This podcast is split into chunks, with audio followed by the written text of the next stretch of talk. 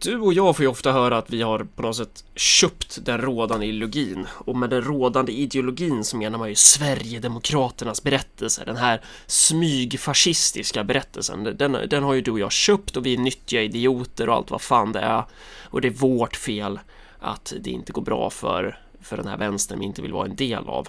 Um, vad, vad ska man säga om det egentligen?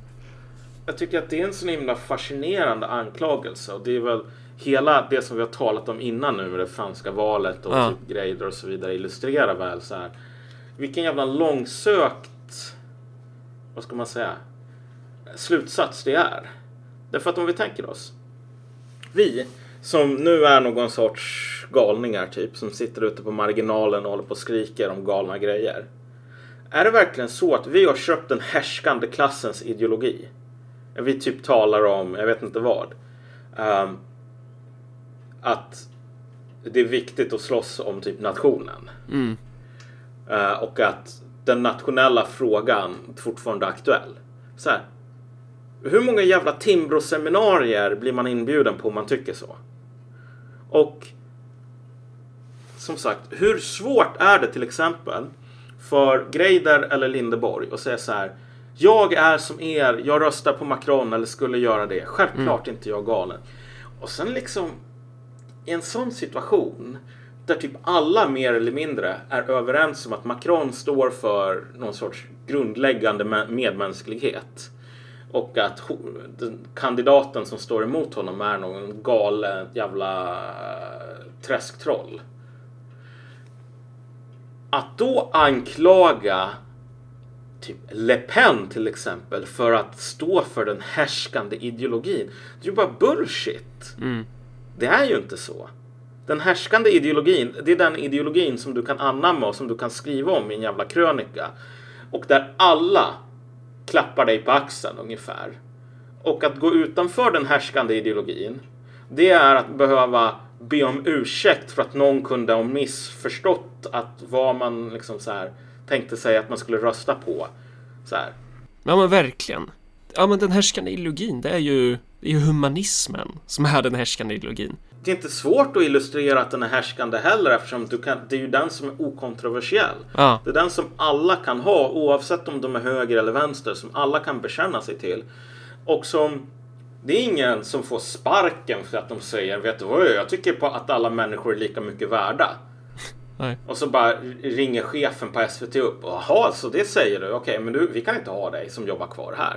När hände det sista gången? Så att idén om att vårt problem, du och jag, är att vi har köpt den rådande ideologin och liksom håller på eh, simmar med strömmen. Den är ju mm. bara absurd. Det är ju precis tvärtom.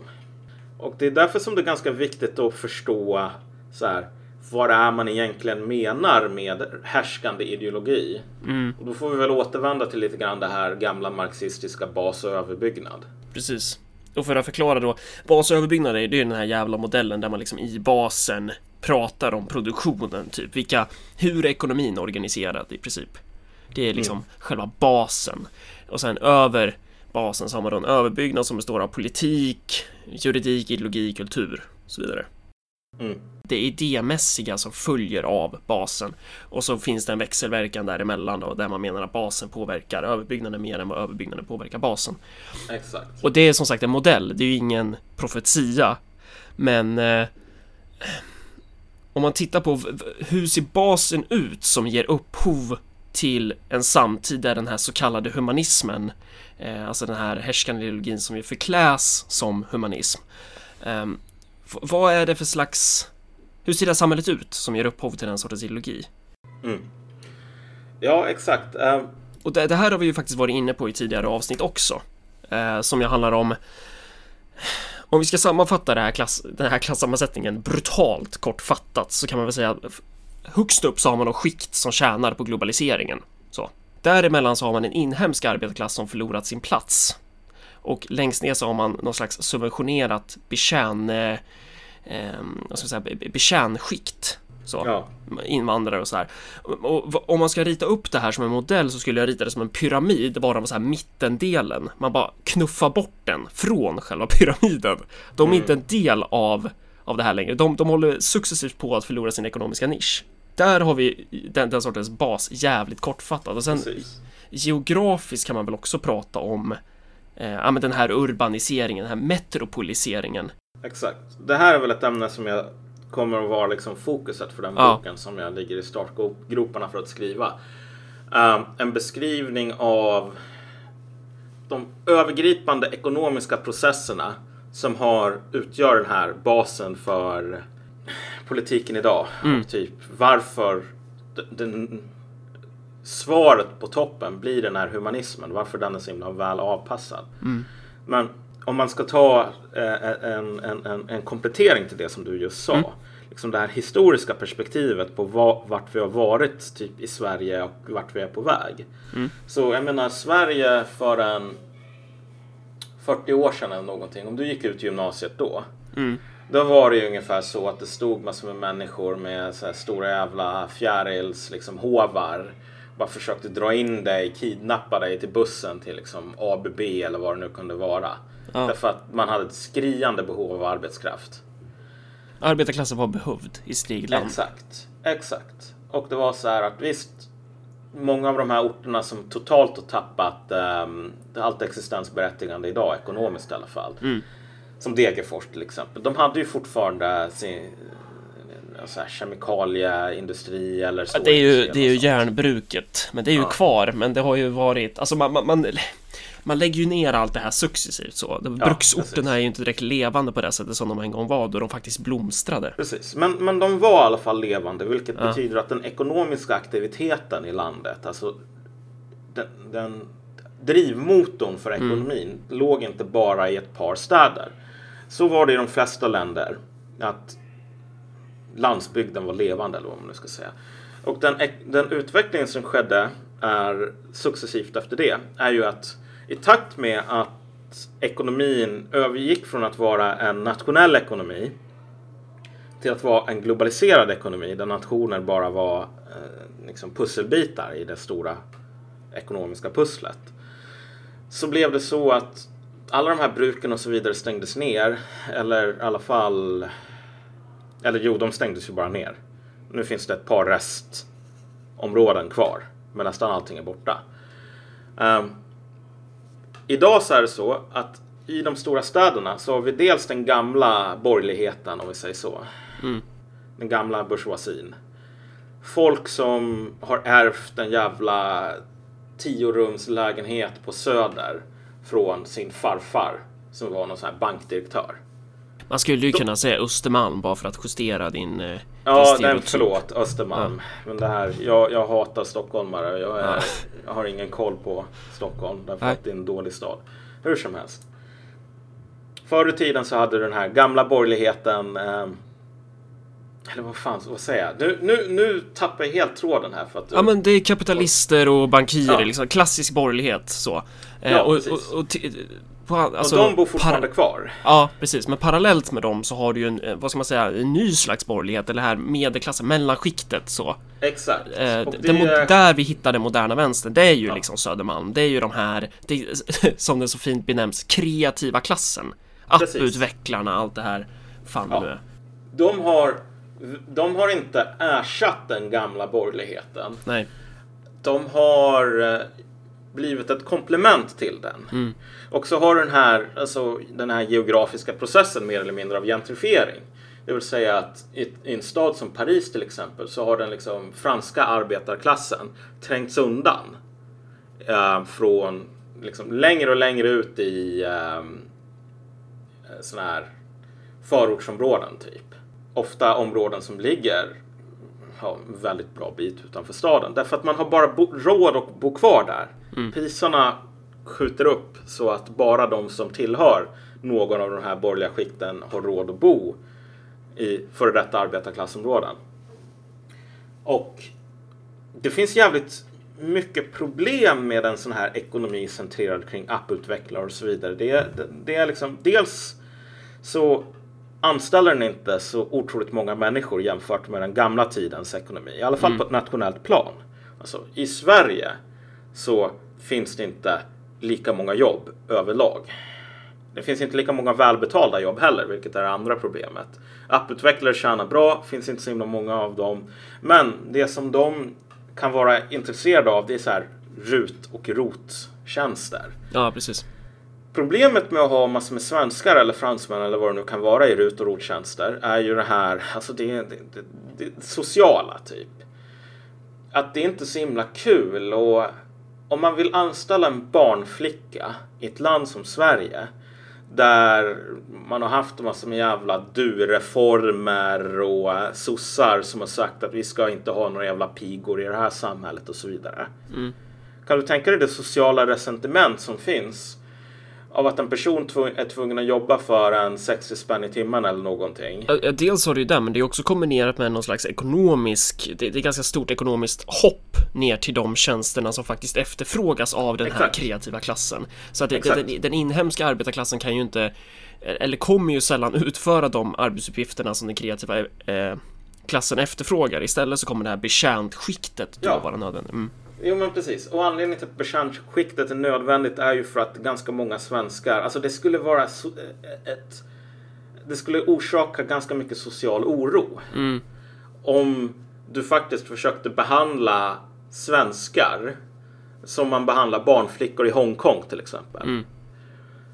Det är för att svenskar av någon dum anledning har fått för sig att de, de har rätt till mer än att bli behandlade som barnflickor i Hongkong. De har ju de facto fostrats antingen i folkhemmet, ett nationellt kollektivistiskt projekt, eller i ruinerna av det. De har ju ändå, ja. de bär ju fortfarande de här spåren, de har inte tvättats bort på, på, på svenskarnas kroppar ännu, liksom. Den här idén om att vi har rättigheter och skyldigheter, en, en tro på ett kollektivt nationellt projekt. Ja, exakt. Det mm. finns inte någon grundläggande legitimitet för typ ett ståndssamhälle till exempel. Nej.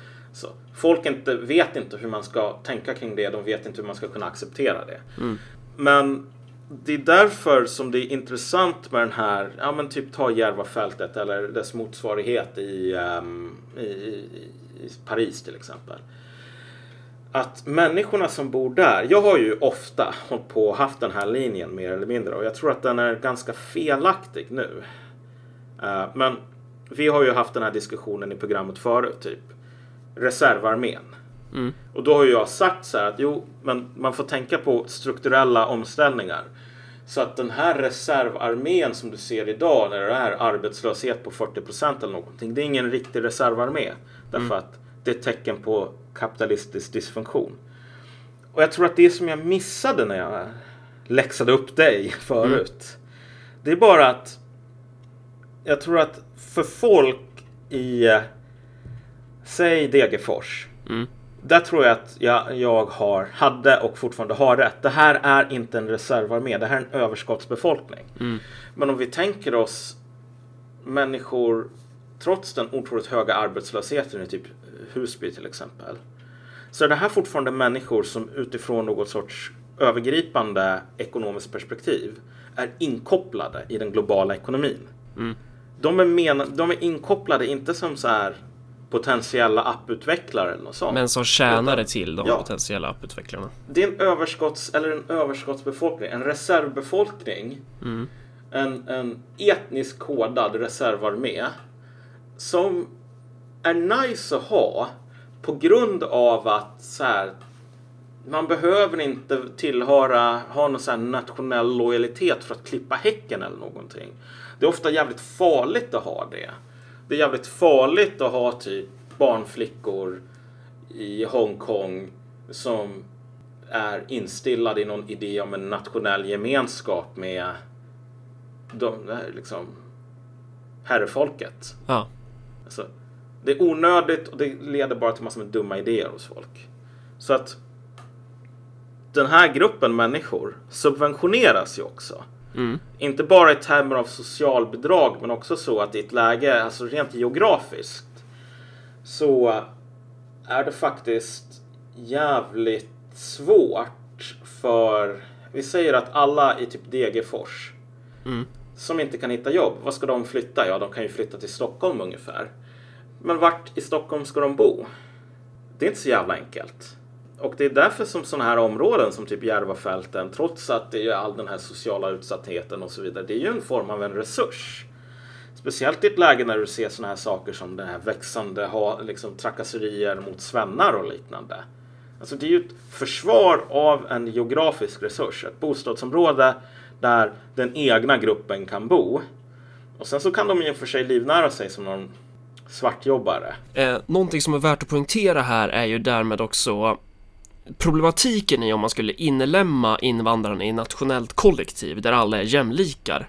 Där man, där man säger att så här, er plats är inte att agera tjänare utan er plats är att vara jämlik precis som alla andra. Det är att den här vi gillar olika tanken, den här toleransen mot enklaviseringen av Sverige, mot ja. att det växer fram eh, men vad, vad, kan det vara? Eh, ja, men fundamentalistiska enklavsamhällen och sådär. Det, det är ju inte ett problem. Det är inte ett problem för den här ordningen. Tvärtom, det är ju en förutsättning för den. Att, att, de, att, vi ska vara olika och det är därför du kan hitta en större tolerans. Alltså det finns ju ett materiellt incitament för att tolerera den ordningen från ja. då de här godhjärtade jävla humanisterna. För det är ju så man rubricerar den toleransen för det här. Ja. Um, så, att, så att humanismen är ju på något sätt det, det är ju en klassideologi först och främst givetvis. Men, men det är också en eh, den är antikollektivistisk. Så. Ja, exakt. Jag menar, för nu har vi fått höra att det här med nationalstaten, det är ett rasistiskt kolonialt påhitt mm. ungefär. Vilket inte riktigt förklarar varför människor som är utsattes var offer för europeers kolonialism tänkte att svaret här är en nationalstat som vi kan kalla våran egen. Varför vill man inte gå tillbaka till sina jävla oga-boga-byar så här, mm. som det var förr i tiden? Men, men hur som helst, det är inte någon som Victoria Cavesa som tänker så långt, utan det är bara så att allt det här det är bara ett rasistiskt påhopp. Vi måste bli av med nationalstaten och så måste vi ha såna här saker. Erik Rosén-floskler om öppen inkludering och humanism och frihet. Mm. Typ. Ja, han, han, så, han skrev väl någonting om det där, att han, han tycker ju att folkhemmet, det var ju en fruktansvärd eh, Erik Rosén ja. på politism då. då. Som, ja. som är den evige återkommande karaktären när vi ska exemplifiera svenska vänster. Men, men han, är, han är väldigt användbar, användbar på det sättet. Han, han gillade ju inte folkhemmet för att det är en vad ska man säga, det är, det är exkluderande, eller vad sa han? Ja, det är exkluderande och det kan vara så här um, betona den egna ingruppens uh, överlägsenhet över andra. Typ att så här, folkhemmet är bra för att svenskar är så här, rasmässigt överlägsna. Ja, och så kommer Nisse jobba och tycka att folkhemmet är ju inte tillräckligt bra just eftersom det inte var tillräckligt exkluderande. Det, ja, det, det tillät massor med eh, företags, liksom, så här, direktörer och liknande. Ja. Så här. Uh, nu kommer ju folk definitivt att missförstå det här, men då får de väl göra det egentligen. Hur tänker du att de missförstår mig? Att de, att de kommer tänka att jag, att jag menar på en men etnisk du, Ja, men att det du egentligen menar när du sa att det inte var exkluderande nog, det var att vi inte hade tillräckligt mycket anslag till Statens rasbiologiska institut. Typ. Ja, just det. Men, men, men, men, jag menar, vi ska inte hålla på och raljera så. Utan... Nej, men, men det jag menar är ju på en klassmässig grund givetvis. Ja, eh, precis. Att, att det, det så, men, men, men åter till, eh, eller var är vi någonstans? Ja, äh, jag, jag, skulle vilja komplettera det som du sa tidigare, det här ja. med att det är onödigt med någon form av inkludering av folk som bor i så här segregerade områden till exempel. Och anledningen till att det är onödigt, det är ju, för om vi tänker oss, i det gamla folkhemmet till exempel så var det ju så här. Det var en politisk ingrupp, ett, ett vi. Mm. Och inom alla sådana politiska gemenskaper så gäller det, de behöver inte vara alltså, egalitära, säga att typ alla medlemmar ska ha lika mycket. De kan vara sjukt hierarkiska. Men inom varje vi-grupp så finns det fortfarande en idé om att så här, vi-gruppens överlevnad är skyldigheten för alla dess medlemmar.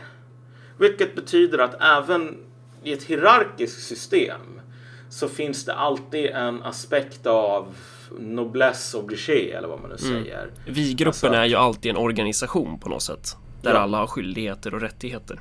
Precis. Men folkhemmet var ju egalitärt. Mm. Inte lika egalitärt som det skulle behöva vara eftersom det var skapat av jävla sossar. Mm. Men det var ändå relativt egalitärt jämfört med typ de flesta systemen som människor har haft genom mänsklighetens historia. Sjukt mycket av en outlier. Och därför, i ett sådan nationell gemenskap så blir det ju så att om någon svälter till exempel, om någon inte har ett jobb, vad det nu kan vara, då kan den personen säga kolla, jag är svensk. Jag har ett medlemskap i den här gruppen. Jag är medborgare. Mm. Vilket betyder att det är alla andras skyldighet att hjälpa mig. Mm. Och det var det ju. Mm. Alla var ju på det klara med att så här, politikernas uppgift var att skydda Sverige och liksom föra svenskars intressen framåt. Mm. Så. De var ju förlängningen på klassrörelser liksom en gång i tiden. Ja men exakt. Mm. Vilket betyder att en person skulle, alltså en politiker som gjorde en Macron och bara sa, jaha okej vet du vad, du svälter. Ja men mm. vad fan, typ klipp dig, skaffa ett jobb. Så mm. Kom inte och klaga på mig att du har det dåligt. Starta företag. Du får väl äta makroner. Ja. En sån person skulle inte kunna hålla sig kvar inom politiken typ. Nej. Um, därför att det fanns inte den här idén om att alla är individer och så här, man kan och det här är hela havet stormar typ. Om du uh, om du snubblar, då är det ditt eget fel. Mm. Och om det går bra för dig, då är det din egen förtjänst. Och du har inte rätt att komma och klampa in på andra och säga åt dem att så här, ta hand om mig. Och det som har hänt är ju att som bekant, sossarna har ju gett upp den visionen. De är inte längre intresserade. Och min gissning är väl att anledningen till att man gav upp det här var ju för att man insåg att det kommer att bli svårare och svårare ja. i framtiden. nej men precis, alltså anledningen till varför folkhemmet kollapsade, eller varför man slutade med föra den sortens socialdemokratiska politik som man gjorde, det handlar ju inte om ett idémässigt, en, alltså en idémässig anledning, utan det handlar ju om någonting materiellt. Att, att det här projektet går ju till ett vägskäl och det är väl det som är grejen med alla kollektiv att du kan inte tillåta för mycket olikheter i kollektiv helt enkelt. Alltså om, om, du ska ha ett projekt där du ska ha den sortens klassamarbete som, som folkhemmet bygger på, du ska, du ska bygga det var ju en produkt av kapitalismen på något sätt va? Ja, och jag tror så här. De flesta sossarna insåg väl att tänk dig vad Sverige kommer att vara om 40 år eller 20 år eller någonting. Då kommer vi ha alla de här nedskärningarna uppe i Norrland. Och så kommer vi ha massor med svenskar där uppe i Norrland som säger Det här är inte okej, okay. det här är inte rätt. Mm. Varför gör ni så här? Med, liksom, vi har fan rätt till att bli behandlade bättre på grund av att vi är svenskar på grund av att vi ingår i den här gruppen, den här nationen. Och vi lever i en nationalstat. Det är ert jobb nere i Stockholm att förhindra det här. Mm. Och om ni inte förhindrar det här, då gör ni inte ert jobb. Mm. Och så tänker man så här, ja men vet du vad? Det kommer att vara mycket svårare att förhindra de här nedskärningarna. Det kommer att vara mycket mer uppoffringar som kommer att krävas, mycket mer kompromisser och mycket mer att ta i hårdhandskarna mot så här, de kapitalister som inte längre är intresserade av att betala för kalaset. Mm. Vi är inte beredda att ta den fighten. Och då har det blivit så här att vad vi har nedmonterat för att det är rasistiskt, det är den här idén om att norrlänningar till exempel kan säga till alla människor i det här jävla avlånga landet. Vårt lidande är ert problem. Precis. Och så säger man, vet du vad, alla är fria individer. Mm.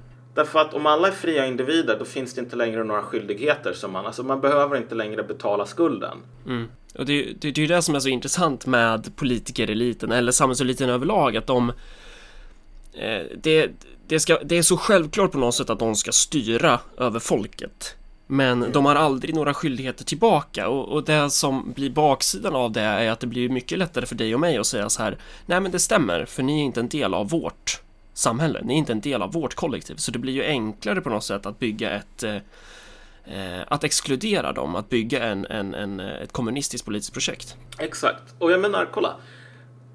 Vad, vad vi har hamnat i idag är ju att den officiella ideologin, överbyggnaden, ja. den säger att det är så här, gemenskaper, kollektivism, nationer, det är någonting rasistiskt. Mm. Och det är därför det är bra att vi börjar komma bort från dem.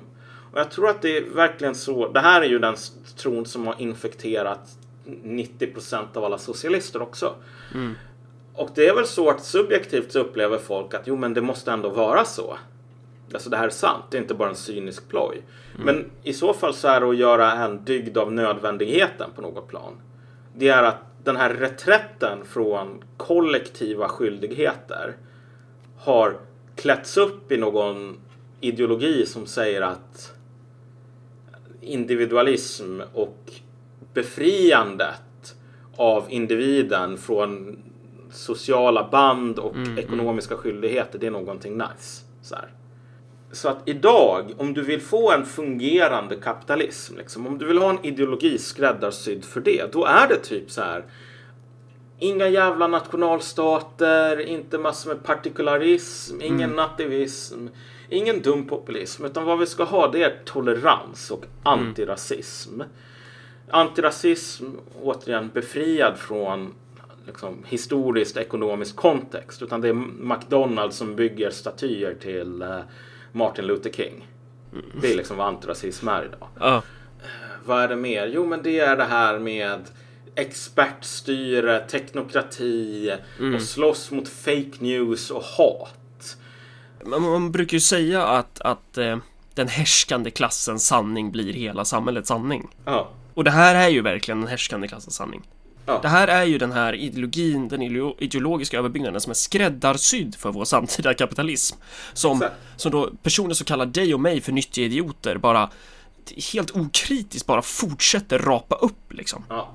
Eh, och, och så här, är, är det verkligen Marcus och Malcolm som har köpt den härskande klassens ideologi här?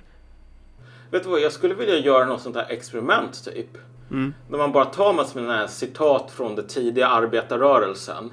Ja, och sen bara ha ett quiz typ. Är det Hitler eller sossarna? Ja, exakt. Därför att alltså, om man ser till liksom sådana här saker som Per Albin Hansson har sagt. Ja. Det är omöjligt för människor idag. Jag vägrar att tro att människor idag kan se kommer att dra det här. Ja, men vet du vad? Det här var den tidiga arbetarrörelsen. Mm. De kommer att säga, vet du vad? Det här är nationalister, det här är populister, det här är nazister. Mm. Därför att, som sagt, den härskande klassens sanning blir hela samhällets sanning. Förutom ett par galna idioter ute i, ute i marginalen. Som, om man tycker som dem, då är man också en galning och då måste man be om ursäkt. Men, men det är viktigt också att även om folkhemmet och alla de här grejerna som man ju fostrade folket till att mm. Alltså man, man har ju fostrat svenska folket i en e-, egalitär eh, kultur. Så. Mm. Eh, den har satt sina spår.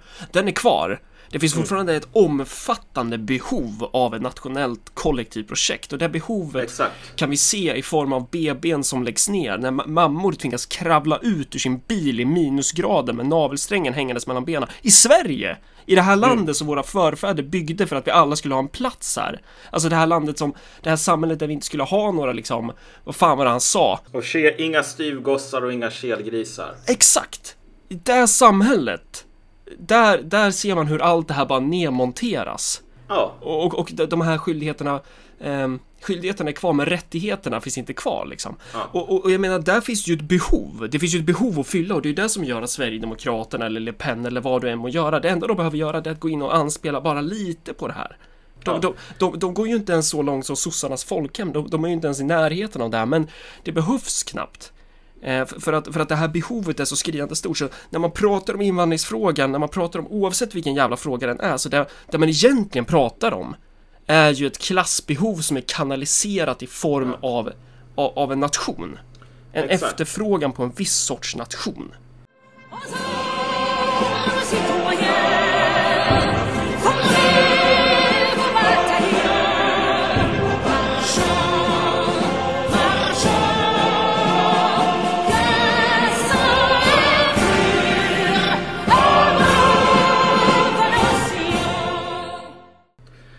Och du har också å andra sidan ett klassintresse mm. som får sitt uttryck i nedmonterandet av det här. Att man behöver liksom, det är rasistiskt och dumt och primitivt och farligt mm. och ha alla de här idéerna. Och vad de idéerna är, det är ju mer eller mindre att en politiker som Macron, hans första och egentligen enda skyldighet och rättighet, det är att jobba, slita häcken av sig för väljarnas skull, liksom, för folkets skull. Och det är någonting som man vill frigöra sig ifrån. Mm. Det, det är kravet. Och det är därför som man kan stå och skratta, hånskratta åt en jävla lärare som säger Hallå, mm. jag har fått sparken på grund av din politik. Det är bara så här. So what? Vad har jag för jävla skyldighet gentemot dig? Jävla bondläpp. Mm. Jag är en liksom, ambitiös ung människa. Jag är fan, jag blev miljardär innan jag fyllde 40. Mm. Men, i, men i en, en genuin, i en äkta nation så ska det ju fungera som en organisation. Att, eh, ponera att en ordförande i en organisation skulle säga till en medlem som har problem bara so fucking what? Det där är inte mitt problem. Då hade ju medlemmarna, de hade ju styckmördat honom om det fungerar en organisation. Ja. Eh, och, och, det är så man ska se på nationen också. Det är en kollektiv jävla angelägenhet. Och de som inte vill vara en del av den kollektiva angelägenheten, ja men de, de ska ju inte vara där givetvis. Mm. Och det är det som är grejen med med dagens samhällselit. Att de har ju gjort halva jobbet åt oss. De gör ju halva jobbet åt oss, men de gör ju också halva jobbet åt Le Pen och SD och alla de här också. Ja. Men jag tänker också, en sak som jag var ganska fascinerad av, en fråga som låg och skramlade i bakhuvudet ganska lång tid. Det är så här, hur kan man förklara sådana här områden som typ Järvafälten och liknande? Där du har människor eh, som på olika grunder, typ antingen utifrån någon etnicitet, någon liksom etnisk identitet eller någon sån här hemsnicknad religiös liksom, islamism typ försöker bygga parallella samhällen. Hur kan man tolerera det i en europeisk nationalstat? För du vet, så här, europeiska nationalstater brukar reagera på det där med otroligt mycket övervåld och kulturmord ungefär. Det är som i Frankrike. En gång i tiden så var fran franskan ett minoritetsspråk. Mm. Det är inte längre på grund av att man var beredd att liksom utplåna möjligheten att tala något annat språk mm. än mm. franskan. Så här. Och det gjorde man inte för att man var dum. Utan för att i den tidig moderna och den moderna perioden. Mm. Alltså med de här jättestora arméerna och allting sånt. Liksom, och med en ändrad ekonomi det var liksom folkuppfostran och nationsbygge. Det var någonting som du, alla var tvungna att hålla på med. I alla fall alla som ville hålla på att slåss med andra länder. Ja, det var ju nödvändigt för den samtida produktionsordningen ja. överhuvudtaget. Precis. Och därför så höll alla på med det. Mm. Och så tänker jag, men varför håller man inte på med sånt längre idag? Alltså ingen från 1800-talet som såg det här som pågår i Sverige eller Frankrike nu skulle kunna se på det utan att direkt fråga okej, okay, hur många divisioner ska vi skicka in för att återställa ordning? Så här, hur, hur hårt ska vi slå ungarna med rottingen liksom, mm. innan de... Hur hårt behöver vi slå dem tills de lär sig att veta ut? Och en sak som man insåg är ju att okej, okay, den gamla nationella gemenskapen, på den tiden så handlade det mycket mer om att ja, men du ska dö för ditt land ungefär för att vi säger åt dig att göra det. Uh, det var inte så himla mycket välfärdsstat, men det blev det med successivt med tiden. Mm den var nödvändig. Den var nödvändig ekonomiskt och också militärtekniskt. Mm.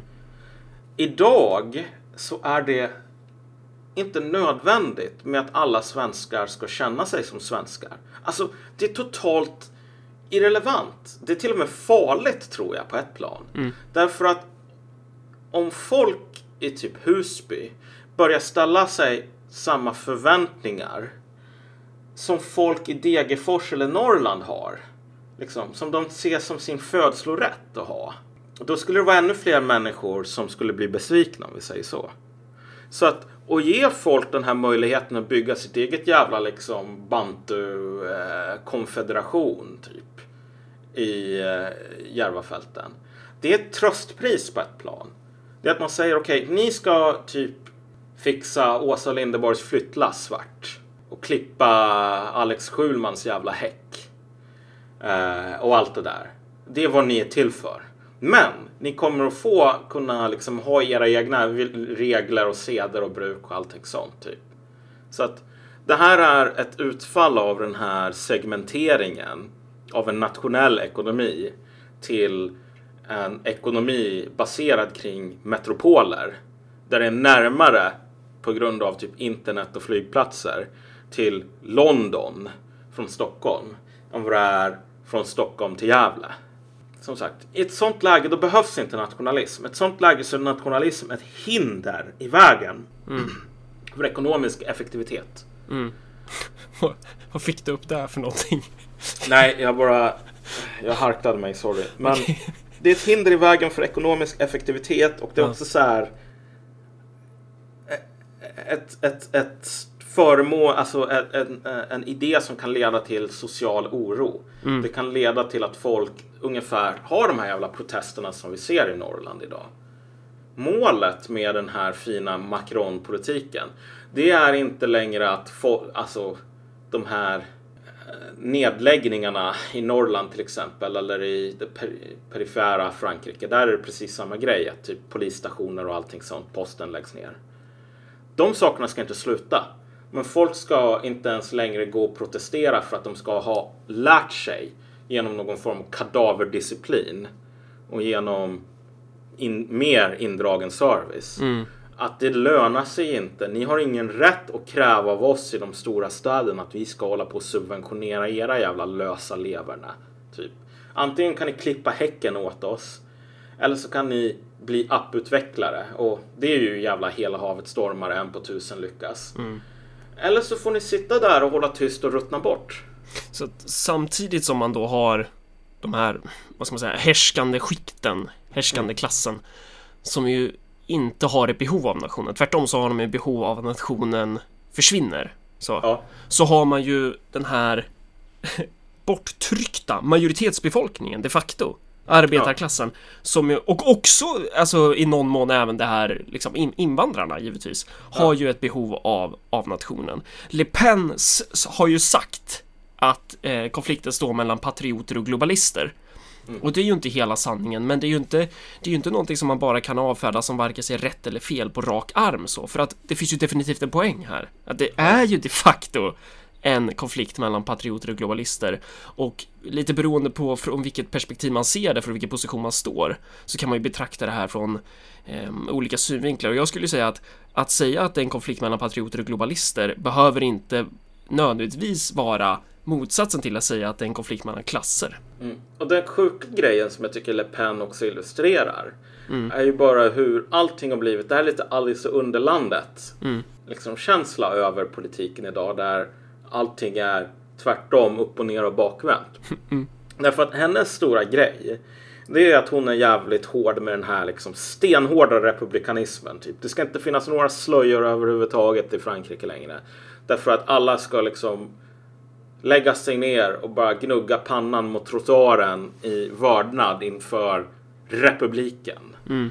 Och den som är beredd att göra det, som är beredd att ge upp allting, ska ju, är ju fransman typ. Och Jean-Luc Mélenchon var ju inte lika extrem som Le Pen och inte lika så öppet aggressiv med det. Mm. Liksom. Frankrike åt dem som är fransmän som tillber republiken. Mm. Men, men det är fascinerande att läsa en, en tidning som typ Jacobin till exempel. Du vet vem, vilken det är? Ja, men det är en vänstersajt. Ja. För deras kritik mot Le äh, Mélenchon mm. var att han gick lite för långt mm. i sin republikanism. Så här. Därför att den sanna vänsterpolitiken idag, det ska inte vara att så här, alla kan bli en del av nationen. Mm. Utan det ska mer vara att så här, muslimer, de dansar på det här sättet och europeer, de dansar på det sättet. Och så här, rasblandning är dåligt ungefär. Så att Mélenchon, hans stora problem enligt Jacobin var ju att han tyckte om sekularism. Och sekularism, det är ett förtryckarverktyg. Därför att um, det förhindrar folk från att manifestera sin kultur och identitet. Och som sagt, när jag tänker så här, vad är det stora problemet med Le Pen? Vad är det mm. som gör mig liksom oroad och som jag tänker när folk säger ja oh, Malcolm, du har verkligen sålt din själ till djävulen här. Ja. Um, menar, det området som jag skulle kunna säga, ja, det, det, risken finns säkert det är typ att Le Pen inte skulle gå långt nog med sin republikanism. Mm. Och att det här bara var någonting som man sa för Ja, det, var, det var på ytan. Syns, liksom, det finns liksom ingen ja. idé om alltså en djupare kollektivism. Så. Och det, och det ja. gör det ju inte hos Le Pen heller. Hon går ju inte tillräckligt långt. Alltså på ett plan, jag, jag är inte 100% säker. Jag vet till exempel att alltså, det fler och fler judar till exempel som röstar på Front National nu. Ja, Vilket ja. är lite av en bedrift med tanke på att uh, Marine Le Pen var ju verkligen sån här gammaldags jävla fransk ja, farsan, fascist mer eller mindre. Farsan till nuvarande uh, partiledare. Ja. Mm. Han var ju det på riktigt liksom. Mm. Uh, så här, före detta Ja, han tyckte väl att eh, förintelsen är en parentes och lite sådana där grejer. Och, ja, exakt. Men, men som sagt, jag, jag tvivlar givet utvecklingen och lite grann demografin inom partiet. Mm. Och lite grann också Frankrikes historia. Ja, och de rent objektiva förutsättningarna. Ja. Så tvivlar jag på att den här sortens republikanism verkligen kan vara cynisk till 100 procent i alla fall. Jag tror mm. att, du vet, vad var det som någon sa om äh, äh, LSD på 60-talet? När du väl köpt biljetten så måste du åka med hela resan ungefär. Uh, jag tror att när man väl köper den här republikanismen och använder den i sin propaganda, alltså du kan inte ha, du måste liksom åka med hela trippen ungefär. Så att, jag menar annars så, annars så skulle inte ens en jävla contrarian som jag tänka mig att rösta på typ Front National. Uh, för jag menar, jag har ju ett ganska personligt så här, uh, vad heter det nu? Jag menar rent konkret, min personliga livssituation är ju sådan. Mm. Så att jag tänker väl då och då i alla fall på liksom, hur många av de här personerna skulle vara beredda att acceptera mig som svensk till exempel. Mm. Du tänker på det här att din pappa är från Uganda och din mamma är från Sverige? Ja, exakt. Jag ja. menar, rent konkret, vi säger så här. Om det finns om det finns någon nationalist till exempel som säger så här att ja, men alla kan bli svenskar eller fransmän eller någonting. Mm. Uh, för att jag ska kunna köpa det rent liksom överlag, eller någon med min bakgrund ska kunna gå med på det, så krävs det ju något, att man är någorlunda säker på att så här, det här inte är en person som egentligen tror på att nej men vet du vad, det är bara typ nation, det handlar om ras. Ja, precis. Det har inte varit så jävla populärt i Frankrike att hålla på och resonera i termer av raser, utan där har det verkligen varit så här medborgarskapsideal så. Men som sagt, mina invändningar på det här området, liksom där det som jag känner mig tveksam för, det är huruvida ett parti som Front National skulle vara beredd att löpa hela linan ut och säga till folk, liksom, oavsett om de kom från Afghanistan eller var de nu kom ifrån. Okej, okay, vet du vad? Ge upp allting som du var tidigare, bli fransman och så är du det. Mm. Och jag misstänker faktiskt att de inte skulle gå lika långt som jag tycker man behöver gå, vilket är typ hela vägen och sen lite till. Mm. Men det fascinerande är ju att det här liksom stora det som man ska hata idag om man ska vara vänster på riktigt. Det är hela den här idén om... Eh, om den egalitära nation nationen. Ja men exakt. det är... Alltså, så här, när, när Mélenchon angrips för att vara någon sorts kvasifascist. Varför då? Jo, för att han tycker att så här, det ska råda sekularism och det ska mm. inte finnas, det ska liksom finnas någon så här fransk identitet som alla ska bli en del av. Mm. Och som ingen ska ha rätt att förhindra någon annan från att bli del av. Bara, men förstår du inte, liksom, bejakar du inte alla människors unika kultur? Jag menar, då har du ju hamnat i den här alltså, klassiska tyska romantiska nationalismen, du vet. Mm. Alla folk har sin egen själ och därför så behöver alla folk sitt eget land. Mm. Därför att alltså, eh, du vet, rasblandning det leder bara till dåliga grejer typ. Alla raser är lika mycket värda men alla raser är verkligen raser. Det har blivit den officiella vänsterpositionen på något plan. Mm. Så att i, i den här konflikten mellan de som har ett behov av en nation, mm. vilket ju de facto är majoriteten av arbetarklassen, kontra de som inte vill ha en nation, så tycker inte jag det är så svårt val att som kommunist välja sida. Ja.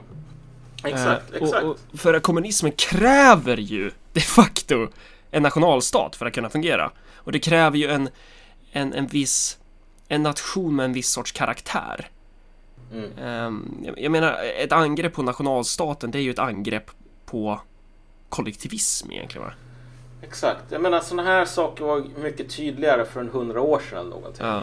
En av de grejerna som man satt och läste på Palermo igår mm. var just det här med kinesiska kommunistpartiets samarbete med uh, uh, Kuomintang. Och det gick ju inte så jävla bra till slut. Liksom. Det var ett samarbete förenat med massor med faror och så vidare. Eh, och till slut så var ju de fienden som man slåss mot, slogs mot. Som man var tvungen att besegra.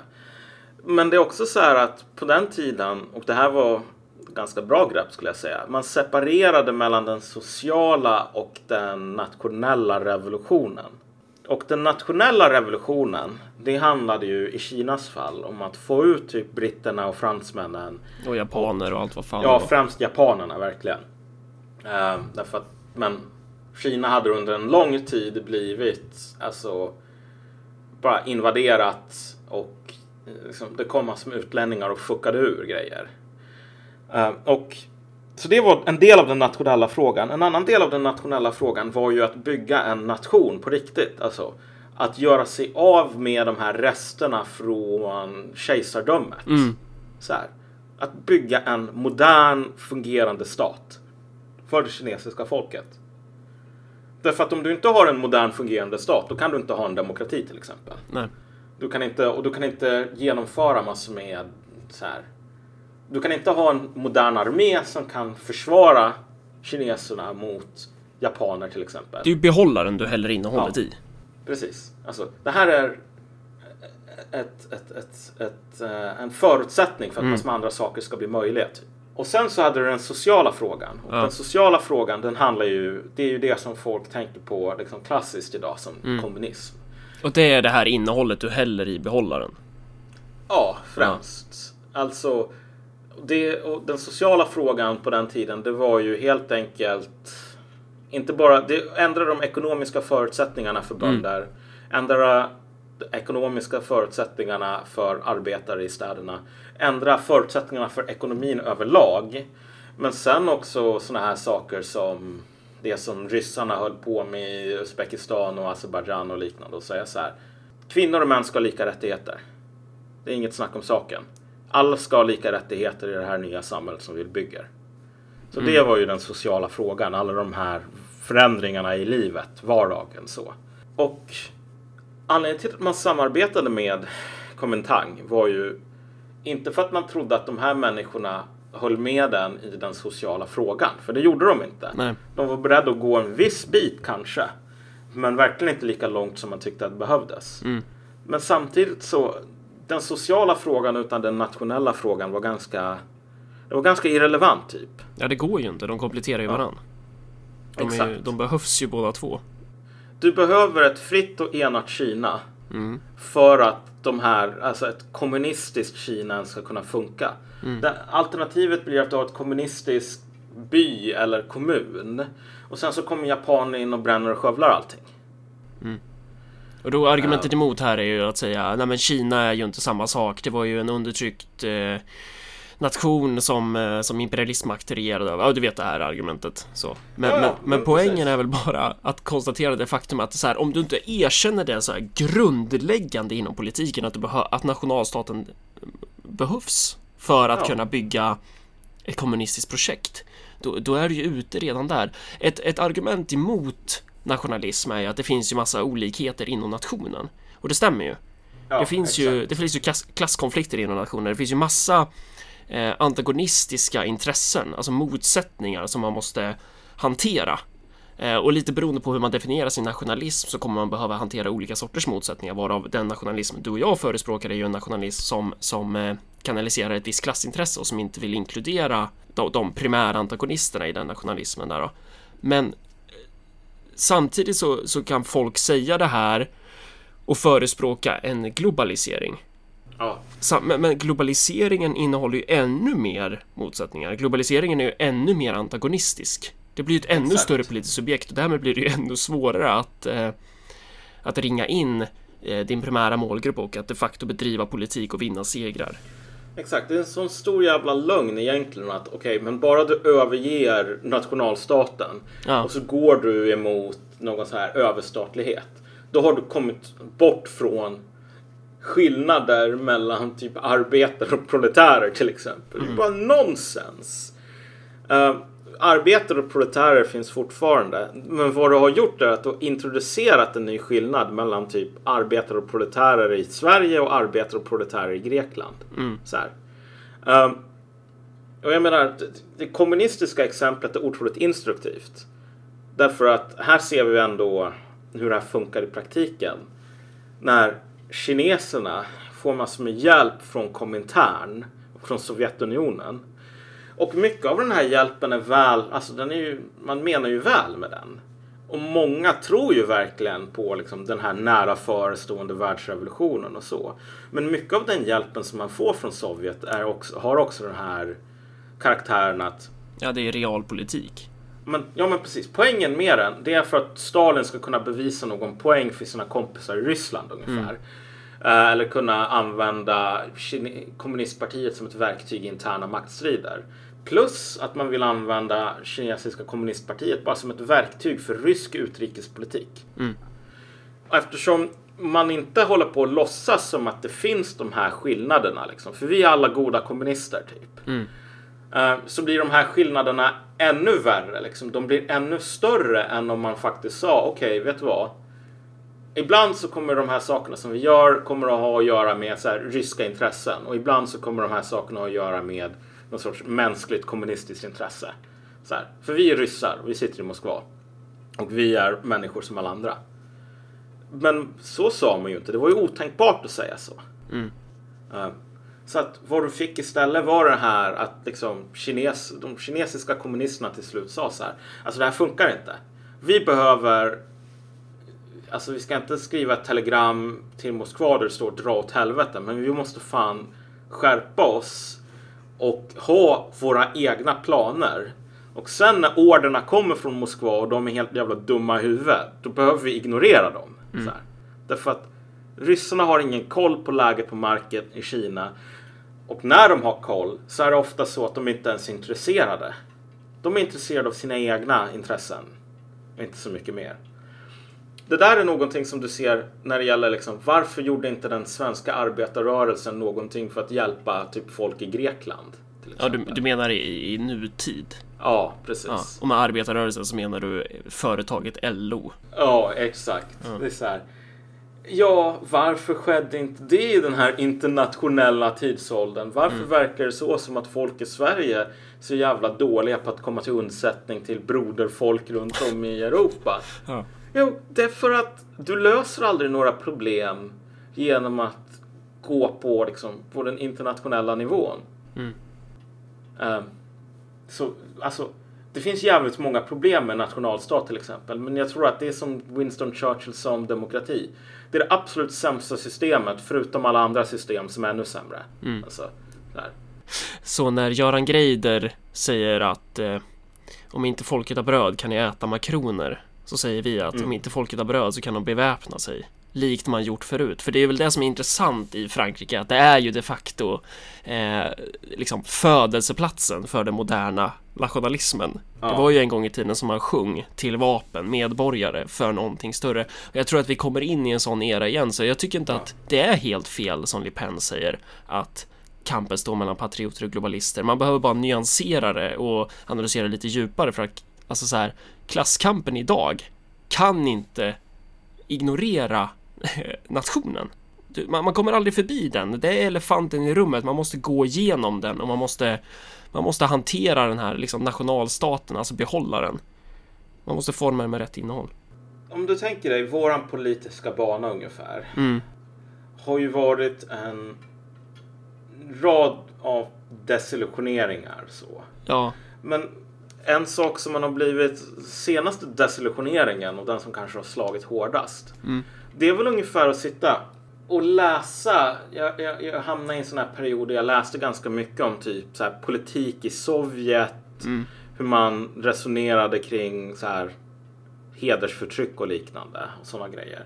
Och så tänker man så här, det finns så jävla mycket dåligt realsocialism, så jävla många tragiska misstag, idiotiska påhitt och bara så här ren och skär brutalitet och ondska. Mm. Och sen så ser man en del av de här sakerna som det är så jävla svårt att vara, inte vara stolt över typ. Det här genuina intresset som man hade um, liksom på 20-talet till exempel. Mm. Um, för att verkligen förbättra situationen för folk. Amina skulle ha känt sig helt hemma med många av de människorna som var liksom aktivister, kvinnoaktivister på den tiden kan vi mm. säga. Och så tänker man så här, alla de här sakerna, det är grejer som som folk inom typ vänstern, som folk som kallar sig själva kommunister, Mm. liksom antingen vill radera från historien eller menar vore liksom är tecken på ondska. Ja, det, man kallar det för fascism. Ja, precis. Det finns en konflikt här och det är bara att välja sida i den helt enkelt. Och, och du och jag har valt en sida där vi tror på eh, byggandet av ett nationellt projekt.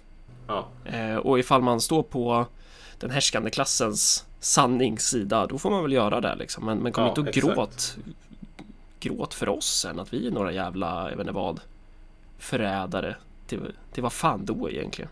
mm. Det, men det, det ja, du vet, när folk säger så här, vi måste tillbaks till den genuina marxismen. Ofta på norrländska. Då är det väl du och jag båda, vår reaktion blir att ta ett jävla Bushmaster-gevär och blåsa skallen av vederbörande. ja, man får ju en allergisk chock oftast då. Ja. Men, men på ett plan så känner jag så här att, ja, vet du vad? Jag har inga alls problem med att gå tillbaks till liksom 1800 och 1900-talet. Mm. Jag tycker att de idealen och det sättet att se på världen och den kampen som man förde. Mm. Bäst före datum har verkligen inte passerat ännu. Och om det visar sig idag att folk håller på att säga ja men det här är fascism. Mm. Det här är fascism. Vadå, du vill ha en arbetarstat? Det är fascism. Ja, nej men du vet. Den tys- DDR, till och med min jävla min högerspöke kompis på Heimdal håller med om att eh, den, DDRs nationalsång är bäst melodi, bäst låttext av någon nationalsång någonsin genom mänsklighetens historia. Och det stämmer ju. Och nationalsångens innehåll visar ju på att nationalism kan vara så många olika saker. Den kan ju självklart vara aggressiv och vara en herrefolksideologi, men den kan också vara motsatsen. Den kan Mm. vara spegla någon sorts vilja att bygga ett bättre samhälle för alla dess medlemmar. Mm. Jag tycker att vi tar och spelar eh, hela låten helt enkelt. Och så får folk lyssna på den själva Mm. och avgöra.